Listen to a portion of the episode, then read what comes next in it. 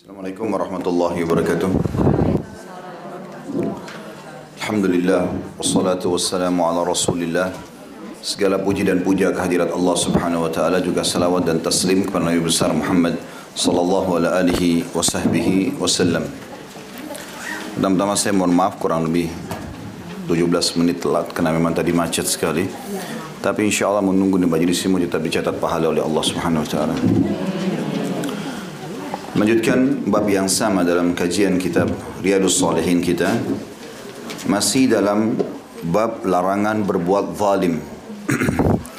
Dan sudah kita titik beratkan penjelasan zalim itu sendiri adalah tidak memberikan hak orang lain atau mengambil yang bukan haknya.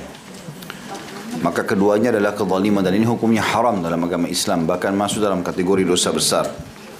Banyak contoh-contohnya tentunya. Ya. Zalim terhadap bisa diri sendiri dengan cara tidak memberikan hak ya. Tidak memberikan hak diri sendiri. Allah Subhanahu wa taala memberikan kepada kita rasa gerah supaya kita mandi, rasa lapar supaya kita makan, rasa haus supaya kita minum. Allah membuat mata kita suka melihat pemandangan yang indah supaya memang kita menjaga semua itu.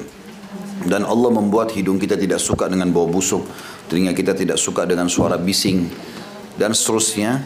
Semua ini sebenarnya penataan alami atau manajemen yang alami yang Allah Subhanahu wa taala sudah aturkan untuk makhluknya. Begitu juga dengan Allah memerintahkan kita untuk berterima kasih kepadanya dengan menikmati apa yang sudah diberikan dan tidak boleh masuk ke wilayah orang lain. Kapan kita masuk ke wilayah orang lain dengan cara mengambil yang bukan hak kita atau misalnya ada orang ada hak orang lain yang tersangkut dengan kita misalnya gaji pembantu, gaji pegawai yang sudah kita sepakati.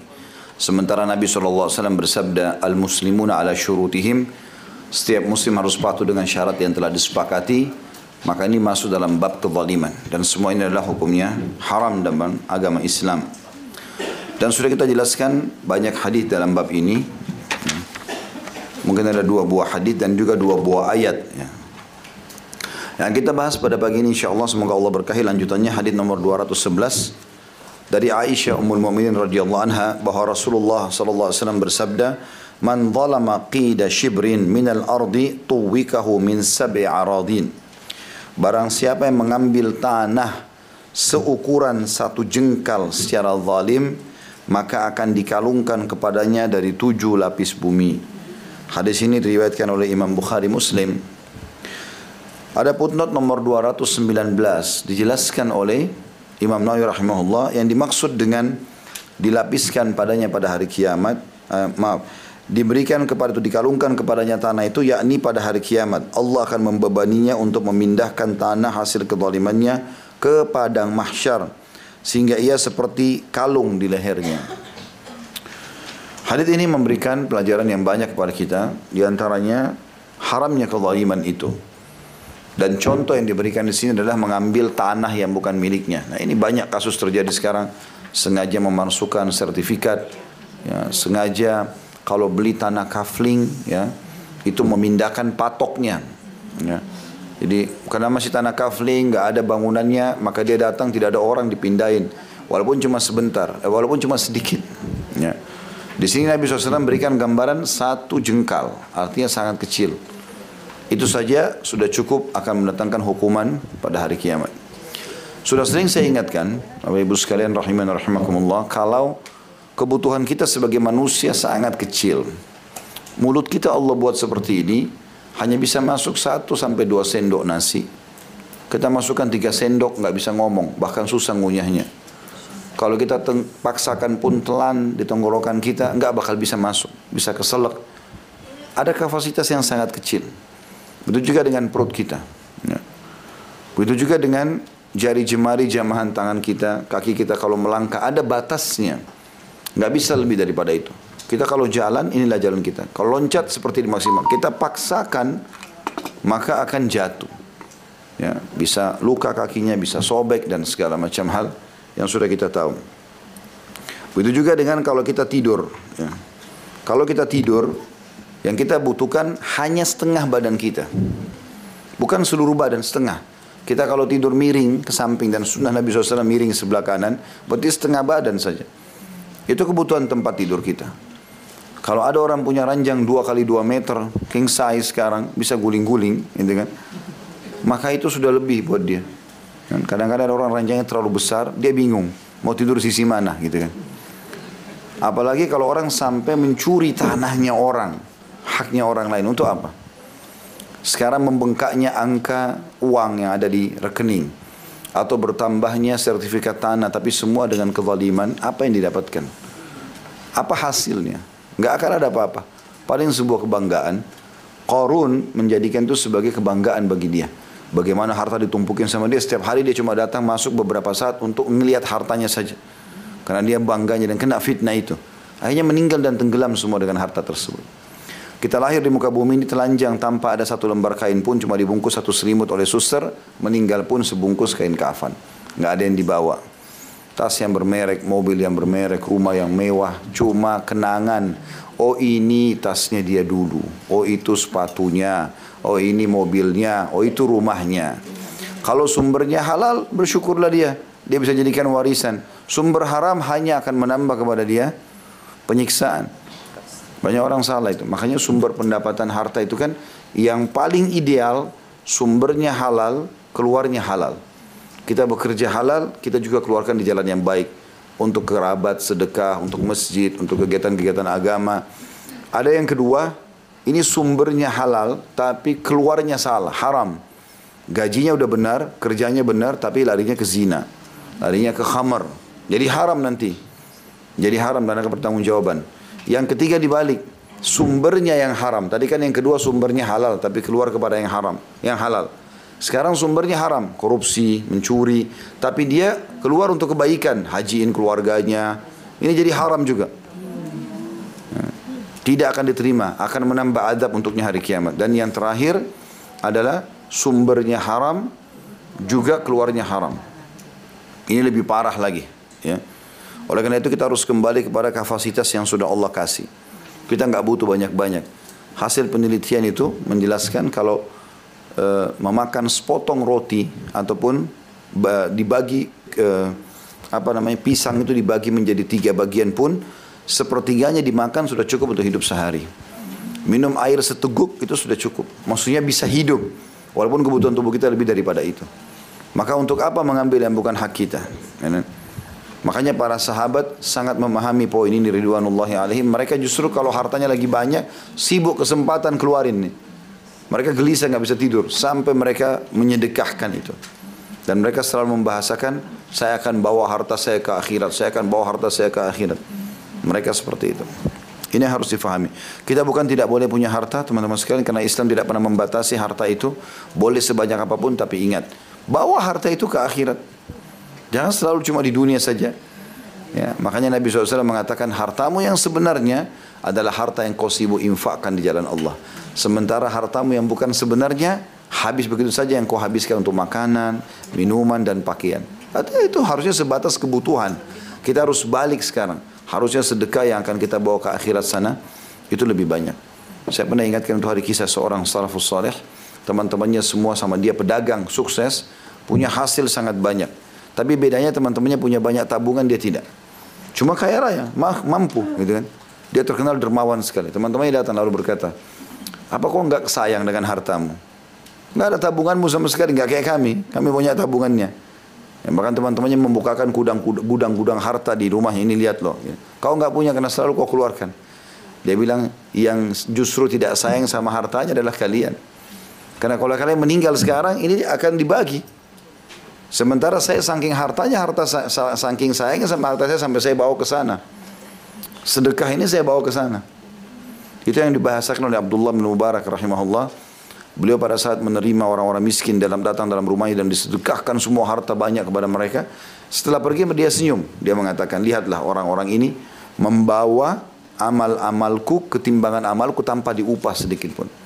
Sebenarnya yang sedang mereka ambil kan ada bisa dibeli dalam bentuk pakaian, makanan. Dalam zahirnya mereka habis untuk itu, tapi kita sedang mendapatkan ini di timbangan amal hari kiamat. Jadi para salafus saleh justru memikirkan masalah itu. Ya, gini kita harus perbaiki sedikit persepsi. Selalu kita tumpuk-tumpukin harta tanpa memikirkan harta ini akan kita tinggal kalau kita tidak sedekahkan. Sampai Nabi SAW berikan motivasi dengan bahasa lain. Siapa di antara kalian yang lebih dia lebih mencintai hartanya daripada harta ahli warisnya? Maksudnya harta itu lebih baik dia yang kelola atau ahli warisnya? Kata para sahabat ya Rasulullah. Nggak ada orang yang lebih suka kecuali dia sendiri yang kelola hartanya. Tapi lebih baik dia yang keluarkan. Kata Nabi SAW, ketahuilah yang kalian infakkan selama kalian hidup adalah harta kalian sebenarnya yang kalian tinggalkan dalam warisan itu adalah harta ahli waris kalian. Karena kalau kita masih hidup, kita bangun masjid, kita rumah anak yatim segala macam, itu kan kita bisa melakukannya. Belum tentu anak kita lakukan itu.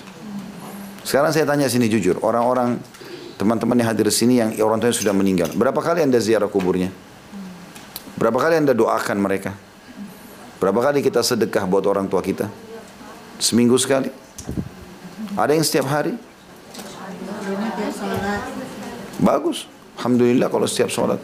Tapi banyak orang tidak seperti itu. Ziarah kuburan orang tuanya nanti kalau mau lebaran kan. Dia bolak-balik makan, minum sana sini nggak pernah berpikir untuk ambil makanan sedekahkan kepada tukang parkir atas nama orang tuanya. Dia nggak pernah pikir itu. Banyak orang seperti itu. Dan sudah pernah saya kasih contoh. Jadi harusnya kita menyadari bahwasanya harta-harta ini ya jangan sampai kita ambil yang bukan hak kita. Kalaupun jadi hak kita, kita juga memikirkan bagaimana membagi harta tersebut termasuk buat diri kita sendiri. Dan usahakan mulai sekarang punya wasiat. Kata Nabi SAW ini penting. Ya, Allah telah menjadikan sepertiga harta yang kalian tinggalkan sebagai tambahan amal soleh kalian. Jadi kalau misal seseorang meninggal, tinggalkan 900 juta rupiah maka dia punya hak untuk mewasiatkan 300 jutanya buat kegiatan sosial untuk dia. Itu nggak dibagi, tapi nggak boleh lebih dari sepertiga. Nah, ini termasuk hal yang mesti diperhatikan. Baik, kita masuk ke hadis selanjutnya. Tentu ini keterangan tentang masalah dikalungkan kepadanya dari tujuh lapis bumi. Di antara pendapat Imam Nawawi rahimahullah beliau berkata, nanti hari kiamat dia disuruh pikul tanah-tanah yang pernah dia curi itu tujuh lapis ke bawah. Jadi dalam sekali bumi ini dia harus bawa dia pikul ke mahsyar. Dan itu termasuk kesulitan bagi dia atau kerepotan ya. Ada juga yang memaknakan yang dimaksud dengan dikalungkan di lehernya, tanah-tanah itu dijadikan seperti kalung yang berat tujuh lapis ke bawah ya. Dari tanah sejengkal yang diambil terus dikalungkan di lehernya yang sangat berat ya. Atau membebankan dia sampai datang hisapnya. Ini di mahsyar ya. Sebelum di neraka.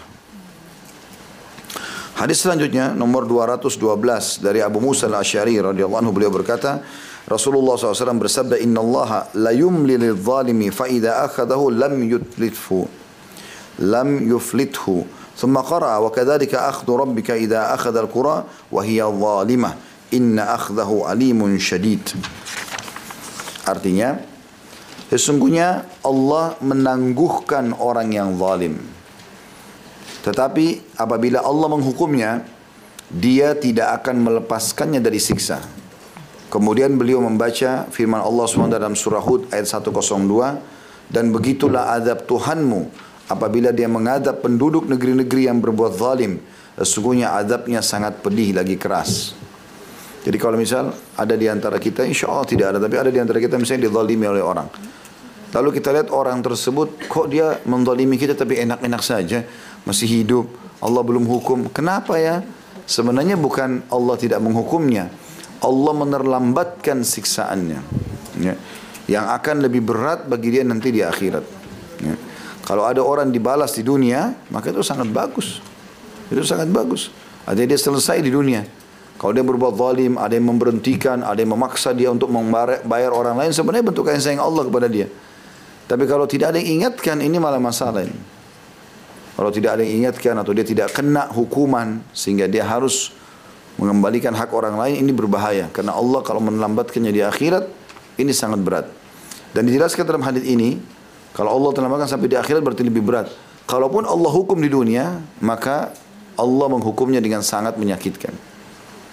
Saya tertarik dengan contoh yang disampaikan oleh Dr. Ziyad Abadi Hafizahullah pada saat beliau ngisi di Blok M kemarin itu datang di Jakarta sempat dia menjelaskan uh, tentang bagaimana memahami tadarruj, tahapan siksaan kepada orang yang bermaksiat dan terus melimpah nikmat pada dia. Ada orang tiap malam kerjanya zina, mabuk-mabukan, tapi kok kaya terus nih orang? Kok badannya sehat gitu loh. Ada apa sebenarnya? Bagaimana kita memahaminya? Allah itu maha melihat, Allah maha keras siksanya. Orang maksiat akan dihukum. Maka kata beliau, justru itu tadarruj. Allah kalau tahu seorang hamba memang dasarnya nggak mau taubat orang ini, Allah biarkan dia. Malah Allah tuangkan banyak nikmat pada dia dan pada saat nanti sekalian dihukum itu menyakitkan. Ya. Kalau ada orang di antara kita teman-teman berbuat salah, kemudian Allah datangkan peringatan-peringatan kepada dia, baik melalui diri dia atau orang lain, berarti Allah masih sayang dia dia. Jangan emosi sama orang yang sedang mengingatkan kita karena dengan dia mengingatkan kita, kita jadi tahu oh ternyata ini salah, saya harus perbaikin nih, seperti itulah. Kalau tidak, Allah biarkan kita selalu merasa diri benar, ini bahaya. Berapa banyak orang kata beliau, justru pada saat lahir dia menikah, ternyata istri atau suaminya menjadi azab buat dia. Tadi yang dia pikir, oh iya, dia menikah nih, dia kaya, punya pesta segala macam. Baru nikah berapa hari, cerai. Atau ternyata terjadi kekerasan dalam rumah tangga, atau terjadi perselingkuhan yang menyakitkan, atau atau lahir anak, ternyata yang lahir itu bukan cuma, bukan hanya, bukan anak, tapi seorang pembunuh. Berapa banyak anak begitu kan? Begitu lahir, dari sperma seorang penjahat atau koruptor atau seorang wanita yang tidak benar, anaknya tumbuh besar jadi pembunuh dia. Pada saat besar karena mau dapat warisan bunuh orang tuanya. Dan banyak terjadi. Tanpa dia sadari, dia berbangga dengan lahirnya anak itu, dia sibuk biayai ternyata itulah yang jadi pembunuhnya kan. Kasus uh, ini jelas seperti kasusnya Fir'aun. Fir'aun karena dia zalim, Allah nggak kasih anak. Repot cari anak. Ya. Dia mau punya anak nggak bisa. Akhirnya dia membunuh banyak anak-anak Bani Israel sampai Allah membuat Musa anak Bani Israel itu lolos masuk ke istananya dengan terdampar dari belakang istana. Kebetulan istrinya Asia. Begitu lihat tahu ini Bani Israel. Mereka punya indera pencium, penciuman yang sangat tegak keras pada saat itu. Jadi Fir'aun melatih prajurit-prajuritnya bisa bedain mana baunya orang Kipti mana baunya orang Israel atau Bani Israel. Maka mereka bisa cium, oh ini bayi ini anaknya Bani Israel, bukan orang Kipti. Waktu mereka mau bunuh Musa, maka Asia nyeletuk istrinya Fir'aun. Kita nggak punya anak loh. Mumpung sekarang anak ini datang sendiri ke istana kita, udah kita pelihara saja. Akhirnya Fir'aun pelihara. Ternyata Musa alaihissalam yang akan membinasakan Fir'aun. Gitu kan? Tenggelam dan disiksa oleh Allah SWT justru di tangan Musa alaihissalam. Karena dia tidak mau beriman. Ya. Contoh-contoh saja dan seperti itulah. Ini pelajaran yang bisa diambil dari hadis ya, yaitu Allah Subhanahu wa taala sengaja pelajaran pertama menangguhkan orang-orang zalim. Kita sebagai orang beriman harus yakin Allah kalau belum menghukum seseorang yang berbuat zalim, berarti justru Allah menerlambatkan dia di waktu yang lebih tepat. Dan itu bahaya karena dasarnya Allah tahu orang ini tidak mau tahu, tidak mau baik. Ya. Kalau dia mau baik maka tentu dia akan berhenti. Ya. Kemudian Allah SWT Nabi SAW juga menjelaskan kalaupun Allah menghukumnya di dunia maka Allah akan datangkan hukuman yang sangat berat. Bukan cuma satu orang, negeri pun bisa Allah binasakan. Sebagaimana Allah jelaskan dalam surah Hud ayat 102 tadi. Dan begitulah adab Tuhan Muhammad Muhammad. Apabila dia mengadab penduduk negeri-negeri yang berbuat zalim, sesungguhnya adabnya sangat pedih lagi keras. Ya. Kalau sudah datang hukuman Allah. Jadi orang bodoh tuh yang selalu nantang-nantang. Ya, di Indonesia kan ada begitu ya. Kalau orang homoseksual, lesbian itu dihancurkan seperti kaum Lut, kenapa Amerika belum dihukum, kenapa ini, kenapa itu, kenapa pembelaan, ingin membela, seakan-akan itu boleh. Masa kita tunggu dulu Allah azab kita baru kita mau akui? Kan bodoh ini namanya. Justru jangan tantang itu. Ah, saya berapa kali nggak masuk kantor, toh atasan saya nggak tegur kok. Masa tunggu ditegur dulu? baru dia mau terima sebagai itu itu adalah sebuah pelanggaran kan kebodohan namanya jadi sudah tahu ini sudah ada peraturan nggak boleh loh. Jangan sengaja kita nyerempet ke pelanggaran itu. Sampai tetap aja dilakukan ya. Sampai datang hukuman. Nah ini salah. Nah ini keliru tentunya. Allahu a'lam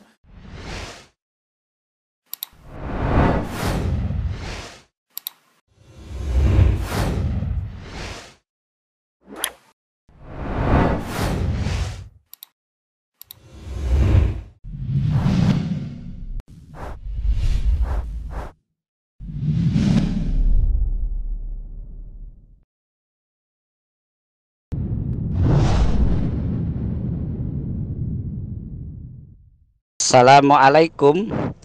Untuk pemesanan paket umroh murah Bisa menghubungi 0821 4196 0857 Kami ulangi sekali lagi Untuk pemesanan paket umroh murah Bisa menghubungi 0821 4196 0857 Sekali lagi 0821 4196 0857 Terima kasih